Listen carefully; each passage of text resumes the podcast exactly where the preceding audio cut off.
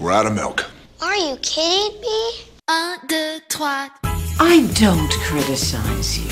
And if you're worried about criticism, sometimes a diet is the best defense. Ooh, honey, these legs are everything. I loved makeup so much because, to me, it was like drawing. It was on my own face. Accentuate the good points. Minimize the others. Love your new nose. What? Dr. Wilson's an artist.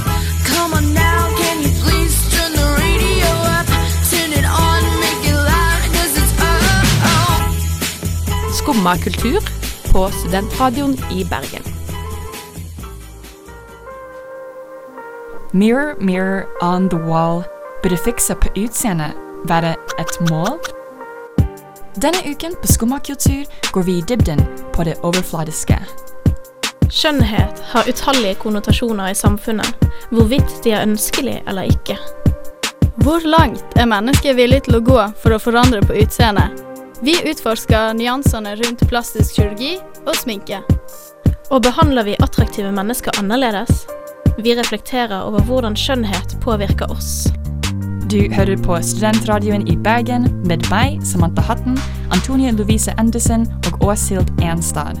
Straks skal vi prate med en plastisk kirurg, men aller først kjører vi i gang med Beyoncés Pretty Hurts.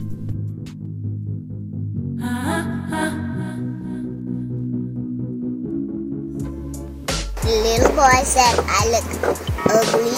What did you say? I said I said I didn't came here to make fashion statement. I came here to learn, not look pretty. Du hører på Skumma kultur på Studentradioen i Bergen. Dr. Christian Busch er spesialist i plastisk kirurgi ved Aleris sykehus Marken for både medisinske og kosmetiske operasjoner. I tillegg har han forsket på fedme ved UiB, og sitter nå i styret i Norsk forening for estetisk plastisk kirurgi.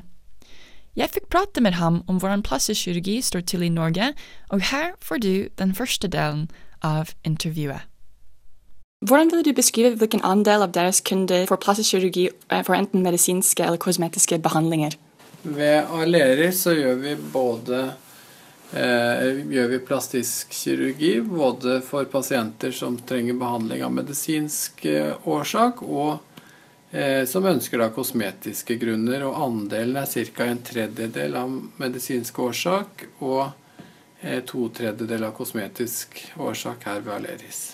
Og det finnes ikke offentlig statistikk i Norge for hvilke operasjoner er de mest populære, men hva er din anelse for hvilke operasjoner er de mest populære her i Norge, eller på Aleris klinikker? Det vanligste kosmetiske inngrepet i Norge er nok brystforstørrelse og kanskje fettsuging og øyelokksoperasjoner. Det er de vanligste tre inngrepene. Hvis du tar med medisinsk behandling, så er nok eh, brystreduksjon og bukplastikk også veldig frekvente operasjoner. Hva tror du fører til hva som blir populær her i Norge? Eh, det er jo litt vanskelig å svare på. Eh, jeg tror det litt skilles etniske forskjeller. Og litt skyldes jo markedsføring og trender i andre land. Og det er nok sånn at vi tar etter USA, men at med, med en forsinkelse på 10-15 år. Men så er det etniske forskjeller F.eks. afroamerikanere eh, i Sør-Amerika og USA de ønsker gjerne større rumpe. Det er noe som man ikke ønsker i Europa. Heller ikke afroamerikanere i Europa. Eh, asiater de ønsker øyelokksoperasjoner, eh, og det er veldig stort i Asia. Det er operasjoner som i liten grad gjøres i Europa og Norge. Men det er fascinerende at uh, trendene her blir påvirket eller liksom det du sa at 10 eller 15 år senere kommer de trendene her.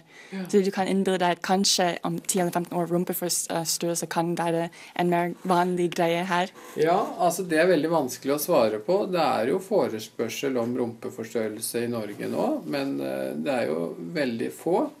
Uh, og vi vet jo ikke heller hvor mange europeere som reiser til USA eller Sør-Amerika for å få det gjort. Men jeg tror ikke det vil bli stort i Norge. Eh, føler du deg at, dere- får stadig yngre kunder, eller det blir en økning blant yngre kunder på deres klinikk? Eller er det ikke så mye forandring på aldersfordelingene? Eh, ved Aleris så har vi en, eh, en kundemasse som er nokså stabil, og eh, det er stort sett voksne eh, pasienter, eh, hovedsakelig kvinner, men også menn, og de er stort sett eh, voksne over 40 år. Det er hovedkundegruppen. Så vi merker nok ikke det. Og hva er den gjennomsnittlige pris på en uh, operasjon på Aleris-klinikken? Det, det rimeligste det er nok fjerne føflekker. Det er kanskje 3000-4000, eh, ja, litt avhengig av hvor det er og sånn. Eh, Og det dyreste er kanskje 80 000-90 000. Og hvilken operasjon er det dyreste da, som koster 80 000-90 000? Det er nok eh, store fettsuging kombinert med hudfjerning. Mm.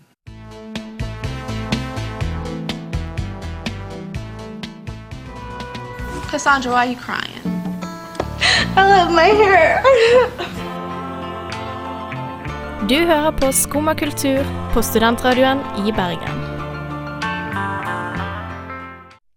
Der fikk du høre Craftwork med The Model, og du hører fortsatt på Skumma kultur her på Studentradioen i Bergen, og denne uken fikk jeg prate med en plastisk kirurg, dr. Christian Busch ved Aleris sykehus Marken. Og her får du den andre delen av intervjuet.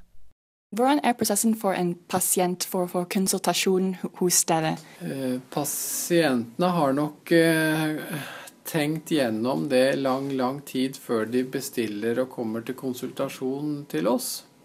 Eh, Så det har jo vært en sånn eh, modningsprosess som vanligvis har pågått i flere år, før de bestemmer seg for å gå til det skrittet og komme til en konsultasjon. Når de først kommer, så forteller de hva de ønsker, og hva de er misfornøyd med, og hva, hvordan de ser for seg at eh, dette skal bli, og hvordan det skal foregå. Og så ser jeg på dem, eh, og så gjør jeg en vurdering om det er mulig å eh, tilfredsstille deres krav på en forsvarlig måte. Eh, og hvis jeg tror at de vil bli fornøyd med eh, en slik operasjon, eller eh, fornøyd med et resultat uten at det er risikabelt, så får de tilbud om operasjon. Hvis ikke jeg syns det er forsvarlig, eller at jeg ikke tror at de blir fornøyd med et sånt inngrep, så fraråder jeg det og vil ikke operere de. Hvor ofte hender det at du fraråder å operere de? Jeg kan ikke gi deg noe, noe sikker statistikk, men det er i hvert fall eh, ofte. La oss si 20% eller sånn, da. Hvis jeg skulle ta et anslag. Mm. Det er fascinerende, jeg hadde ikke forventet det. Og jeg tror ikke at de jeg fraråder operasjon, eller ikke vil operere, at de går andre steder og får gjort det der. Da tror jeg på en måte de slår seg til ro med det. Og det er også veldig fascinerende å høre at de aller fleste som um, besøker deg har allerede tenkt på dette i veldig lenge, egentlig. Mm, Ja, det er det vanlige. Er det slik at noen av deres kunder besøker dere flere ganger for ulike slags operasjoner, eller eventuelt uh, fortsettelser av gående operasjoner, eller vil du si at de fleste kanskje bare besøker dere, eller liksom har en, bare én behandling eller én operasjon, og så kommer de ikke tilbake? Mm. Eh, når det gjelder den medisinsk, medisinsk behandling, så er det sånn at den største kundegruppen vår er de som er slankeoperert, og de skal gjøre mange inngrep. De skal eh, stramme opp hud ulike steder av kroppen, sånn at de vil alltid komme tilbake to, tre, fire, fem ganger. Og de får et, et fast opplegg for det. Eh, når det gjelder sånne kosmetiske operasjoner, så er det gjort eh, statistikk på det i USA, da, hvor man eh, ser at de i snitt kommer tilbake hvert tiende år for ulike inngrep som har ulike Eller som eh, i forhold til deres alder. Altså at eh, yngre kvinner eller yngre pasienter gjør ikke ansiktsløftning, det gjør eldre. Sånn, sånn at de gjør da f.eks. fettsuging eller brystoperasjon når de er unge, og så gjør de øyelokksoperasjon når de blir litt eldre, og kanskje ansiktsløftning når de blir godt voksne. Så det er vanlig at de kommer tilbake, men, men da med ca. ti års intervall. Og da antar du at det er sikkert lignende her i Norge? da? Ja, og jeg opplever det. Jeg opplever det selv, ja.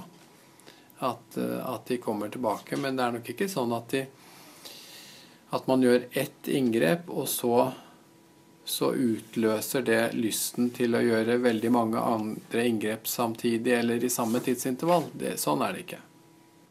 Hva er de største misoppfatninger rundt plastisk kirurgi og kosmetiske operasjoner, etter din mening? Eh, ja, det, det, det er nok sånn at eh, mange tror at dette handler bare om skjønnhet, men eh, eh, vi gjør altså en stor andel av pasientene vi behandler, det er av medisinske årsaker, at de har plager og, og sykelighet i forbindelse med det. Eh, men selv om det er eh, kun av kosmetisk årsak, da, så har de også plager, sånn at det glir litt over i hverandre. Eh, og de fleste pasientene vi ønsker, de ønsker å se normale ut. De vil ikke ha store bryster eller, eh, eller De har ikke unormale ønsker, de vil bare se normale ut. Og for at det gir dem en bedre livskvalitet og selvfølelse. Eh, vi, vi sier ikke til pasientene at de blir lykkeligere etter et sånt inngrep. Det blir de heller ikke. De blir kvitt en plage. Så det er det vi eh, tilbyr. Å bli kvitt et lyte. Ja, det, det gir mye mening. Og er de fleste pasientene deres åpent om operasjonene sine, eller er det en veldig personlig tema som du får ikke informasjon om? Der tror jeg det nok er et generasjonsskille at de voksne pasienter, kanskje over 40 år, ikke forteller det til noen, eller kanskje de aller nærmeste, mens yngre forteller det til flere og venninner, og at det da ikke er så tabubelagt. Mm. Ja. Men tusen takk til deg, Christian Bishop, for at du kunne være med på Skumma kultur. Mm. Takk for at jeg fikk være med.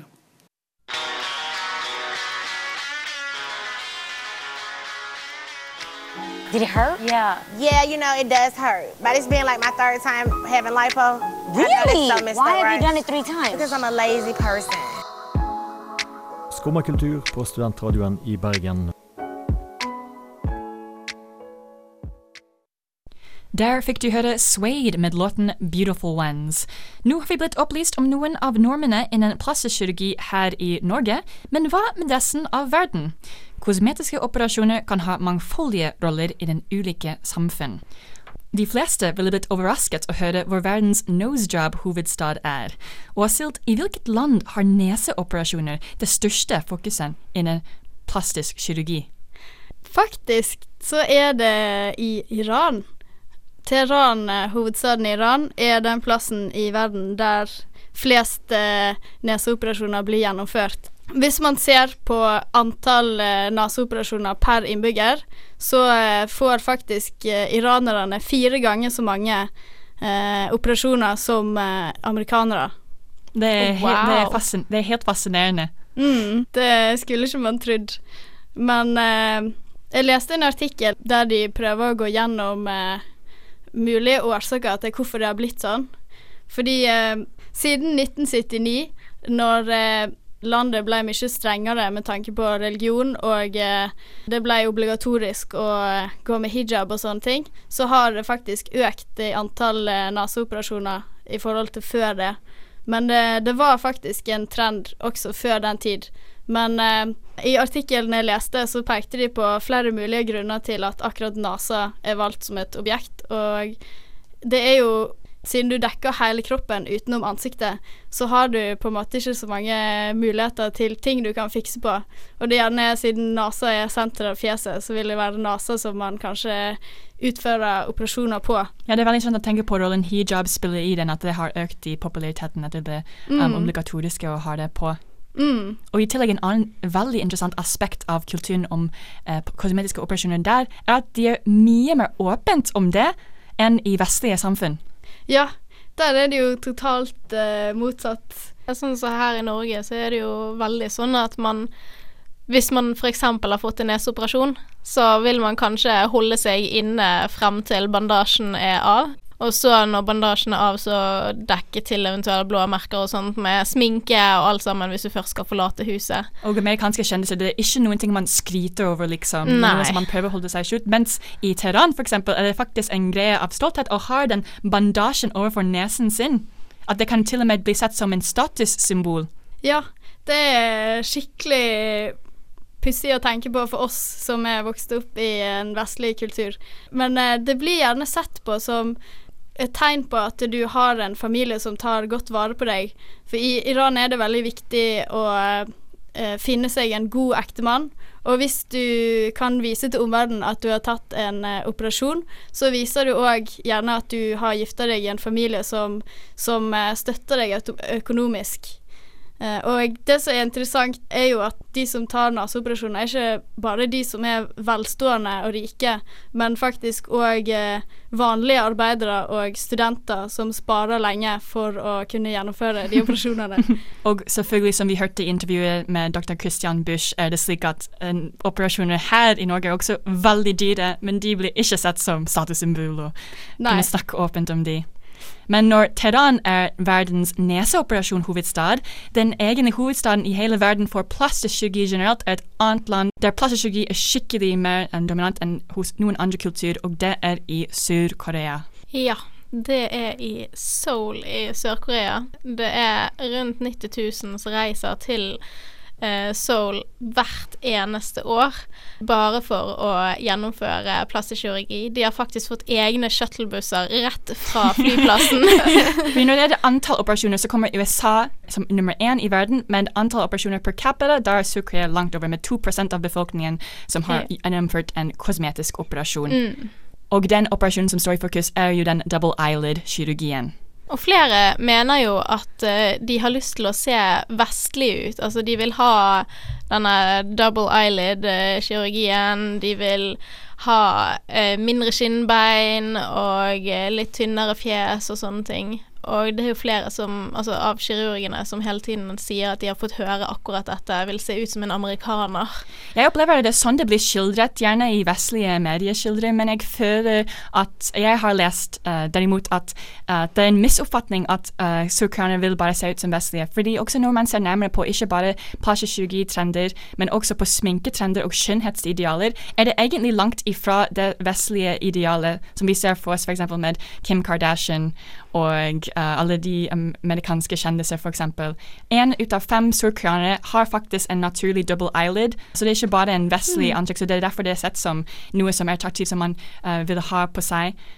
Eller vil ha for seg selv. Men i tillegg, det med den V-line face, det er at, eh, at å få nedskjæring på skjeven sin er faktisk en plastisk um, kirurgioperasjon som folk gjennomgår. Det jo, har jo ikke noe lignende i i USA eller en vestlig kultur. Ja, det er faktisk veldig sant. Det er veldig interessant. Fordi um, det er jo òg sånn at uh, gjerne Kanskje det er mer at du vil ha store øyne og litt sånn sø søte Ja, veldig søte. egenskaper. En, en Mm. overfor sånn rent sexy, for eksempel. Mm, sånn. ja. Eller for eksempel store lepper. Det er jo ikke noe fokus. Contouring, for eksempel, har liksom veldig definerte uh, cheekbones. Det er heller ikke noe som er, man, er opptatt over. Nei. Jeg gikk på en internasjonal skole i Jakarta, der største andelen av studenter kom fra Sør-Korea. Og jeg kjente folk som fikk double eyelid-kirurgien, kom tilbake fra vinterferien med en helt ny utseende, eller en helt ny look da. Og jeg kjenner folk som har også fått det som graduation-presang i etterkant. Wow. Kirurgi er en veldig permanent endring da, men det finnes også double eyelid tape, slik at du kan lime de. Også double eyelid glue, bokstavelig talt, som du kan bruke Mm. for sånn. Hvis du skal ha en kveld ute på byen, jeg kjenner folk som bruker det for promene sine. Og det er jo helt fascinerende hvordan sminke kan bli brukt på den måten òg. Og det skal vi utforske mer av straks, men aller først får vi høre Hole med Doll Parts. I am doll eyes, doll mouth, doll legs. In today's video, I'm showing you all about beauty blenders. So I've talked about them before in my videos.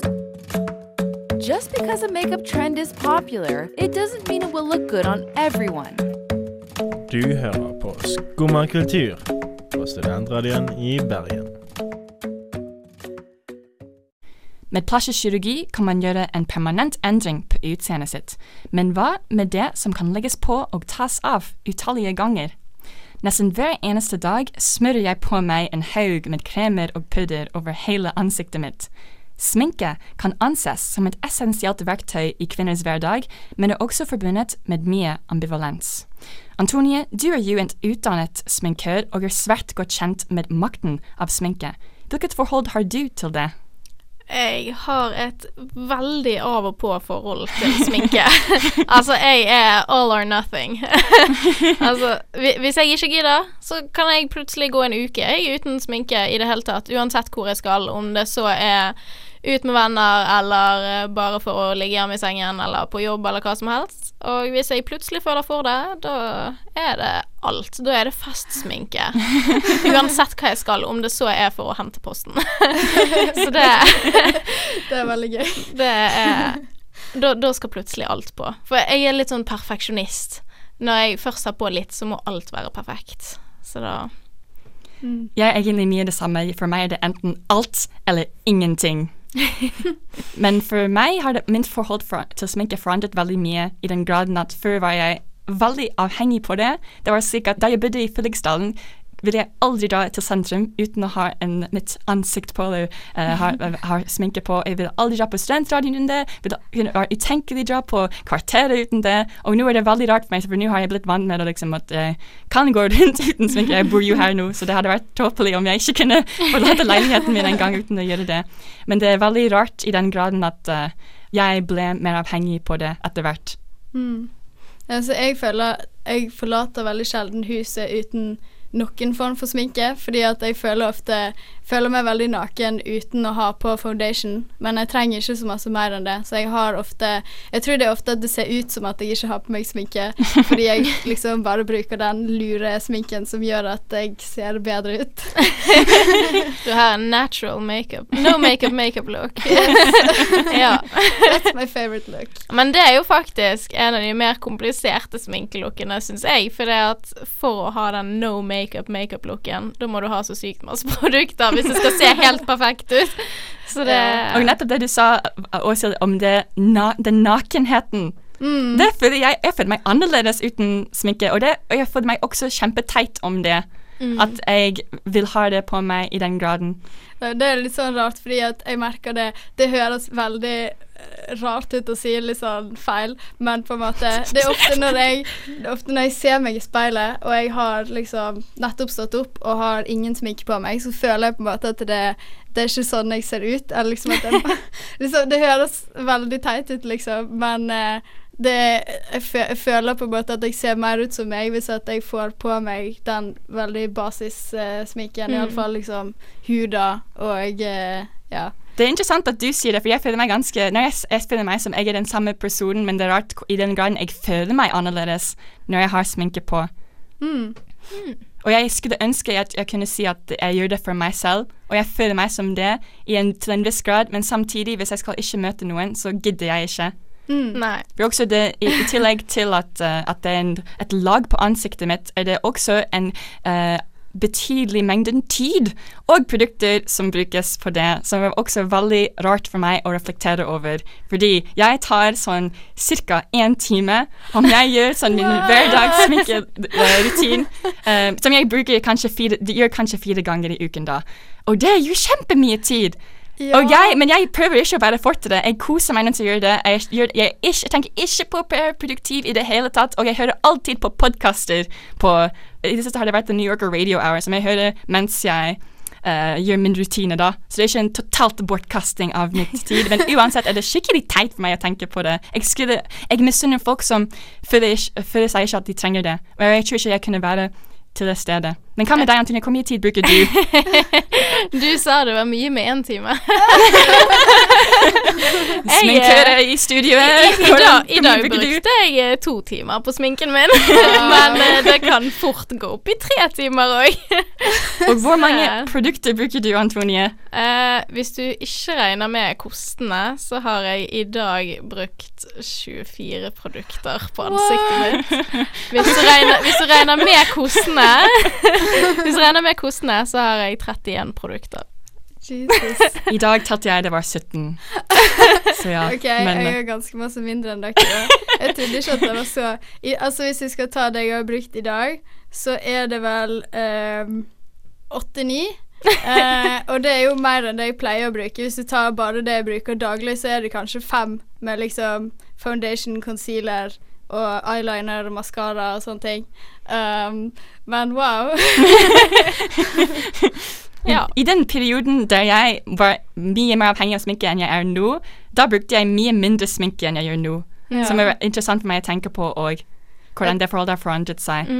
Altså, jeg tror jeg bruker vanligvis sånn kvarter på å sminke meg om morgenen. så det er jo mindre enn dere. Så, Så bra! Men jeg er kanskje litt mer slurvete enn uh, Jeg bare tar det jeg føler er nødvendig. Og når jeg snakker om misunnelse overfor folk som er ikke avhengig på sminke Bare tenk på dag, den gjennomsnittlige dagsrutinen til en fyr. ja, det kan jo ikke sammenlignes. Altså, jeg, jeg kjenner jo eh, menn som bruker en del tid på håret sitt og på voksprodukter og sånne ting, og ikke går ut av huset uten at håret ser bra ut. Men det kan jo ikke sammenlignes. Nei. Nei. Men selv om uh, ikke det er helt sosialt akseptert i Norge ennå at uh, gutter bruker sminke, så blir det mer og mer det. Erlend Bratland går jo f.eks. frem med et stort, stolt, fint eksempel. Eh, så kanskje i fremtiden, hopefully, så får vi eh, se et eh, norsk samfunn med gutter som fint kan eh, gå med sminke ute uten å bli mobbet for det. Um, maskulinitet kommer ikke til å, til knyttes til det i løpet av vårt, våre liv, tror jeg. Tiden er brukt på å stelle seg blir, kommer til å fortsette å bli uhyre annerledes. Og sminke er jo en måte man kan nesten forvandle utseendet sin på, men hvordan oppfatter vi skjønnhet i utgangspunktet? Dette skal Valeria utforske straks, men aller først får vi høre Lana Del Rey med Young and Beautiful. I've seen the world, done it all. I never thought a man would ever even want me. I know the feeling. Oh, please with that ass. Du hører på Skumma kultur på Studentradioen i Bergen. Hva kan forklare hva vi anser som vakkert? Denne uken utdyper Valeria om hva psykologisk forskning tyder på. Hvordan vi oppfatter skjønnhet er utrolig komplekst. Det finnes mange ulike mekanismer i hvordan vi oppfatter andres utseende, f.eks. Denne kompleksiteten fører til noen interessante mønstre dokumentert i forskning gjennom tidene. Hvilke funn som finnes der ute? Følg nå med, for jeg skal ta deg gjennom noe av det som har blitt oppdaget. For det første, hvem vi synes er attraktiv, kan godt henge med hvem våre familiemedlemmer og andre folk oss nær synes er det. Par eksempel, har en tendens til å rangere mennesker ganske likt i eksperimentell setting. I tillegg vil du ha en tendens til å synes at folk som deler dine politiske meninger, er mer attraktive. Det var faktisk slik at demokrater i USA vurderte Barack Obama som mer attraktiv enn republikanere. I motsetning syns den republikanske befolkningen at Sarah Palin var mer attraktiv enn den demokratiske motparten. For politikere som den amerikanske befolkningen ikke kjente til, var det derimot ingen vesentlig forskjell i kåringene. Dette henger sammen med at vi syns folk som deler våre interesser og verdier er mer attraktive. Og politiske meninger er en stor del av det bildet. En analyse av hvordan folk matcher med hverandre på datingsider bekrefter denne antakelsen, mener forskere.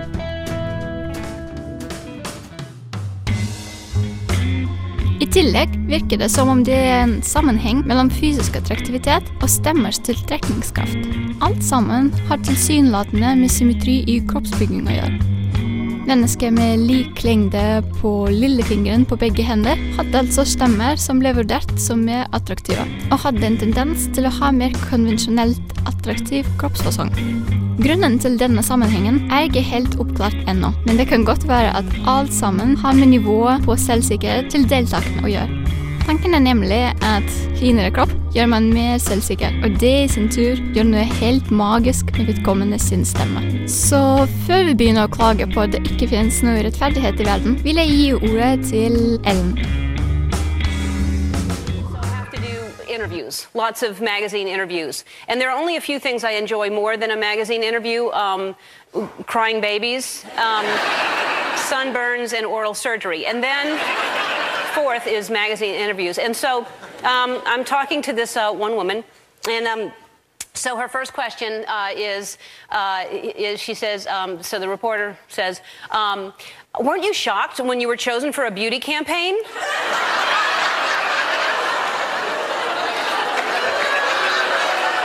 so there's two things really wrong with this question.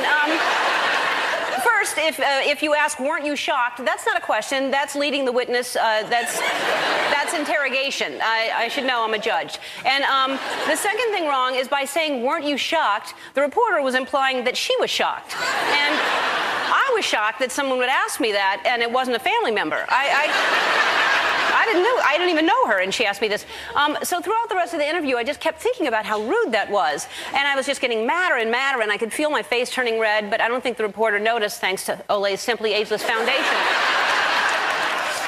Um, but I knew I was going to come and talk about this today because, and I think the reason that she was shocked is that we've all been given the wrong idea about what conventional beauty is supposed to be. I don't think that beauty is about a certain size or a certain age or a certain look. I don't think we're supposed to look alike. I think beauty is compassion. I think beauty is kindness, and I think beauty is feeling confident in who you are.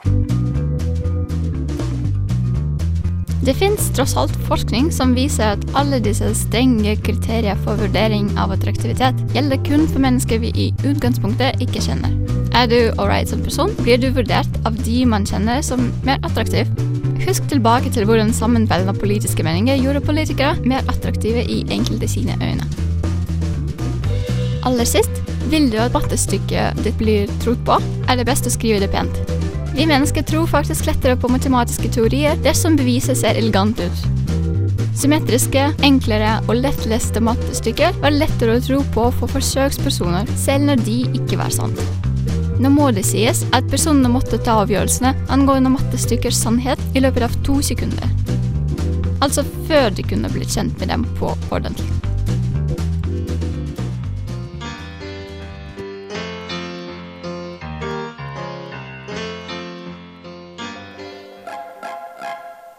Kurt, if this competition was on radio rather than TV, you'd walk it. What has occurred to me watching this competition tonight is we've allowed a lot of ugly people to become recording artists. Du hører på Skumma kultur på Studentradioen i Bergen.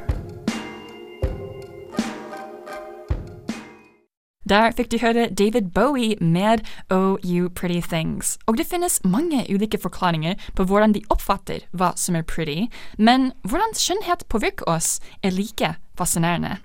Det er en ubehagelig sannhet, men vi behandler faktisk mennesker forskjellig ut ifra hvor attraktive vi synes de er.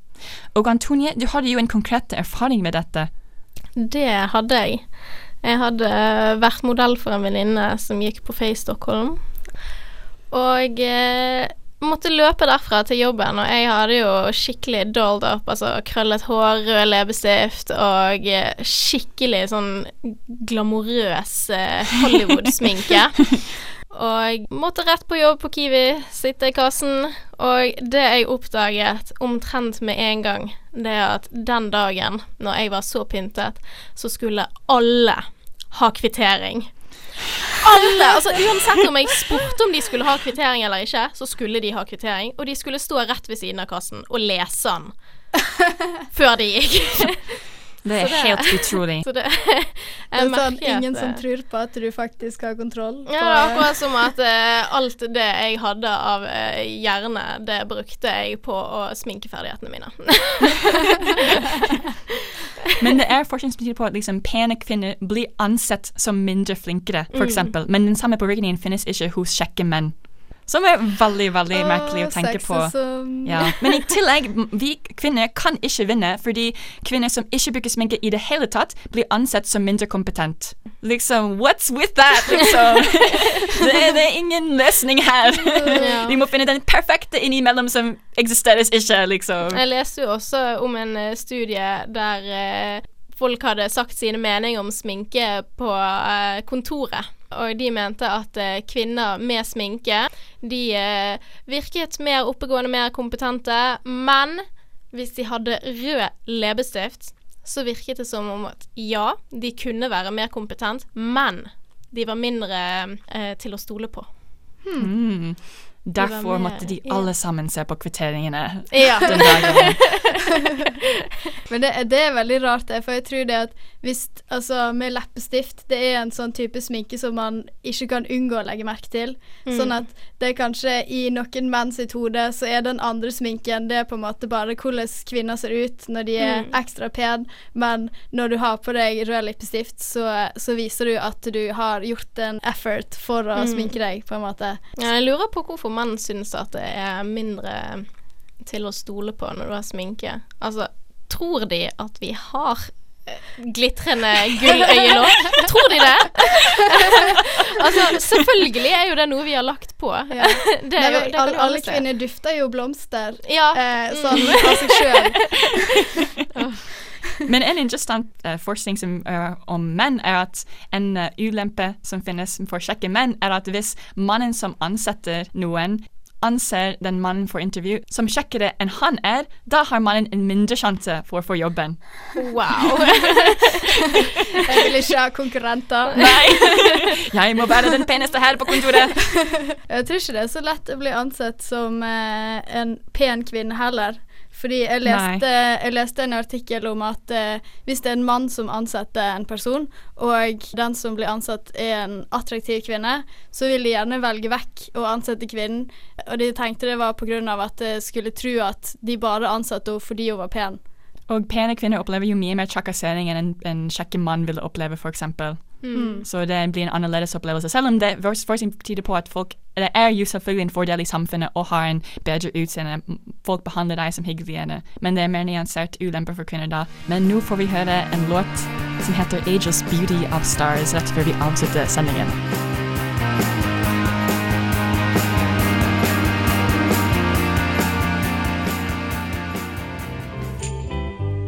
Det var alt vi rakk denne uken her på Skumma kultur. Vi la en god foundation om hvordan vi manipulerer utseendet vårt. Vi highlighta vår egen ambivalens og gikk i dybden om sminkens øyeskyggesider. I tillegg så vi på konturene av hvordan skjønnhet kan påvirke oppfatninger. Vi håper vi har gitt deg noe å bryne deg på i dag. Vi må takke vår produsent Ulrik Øen Johnsen. Vi høres igjen om en uke. Ha det bra!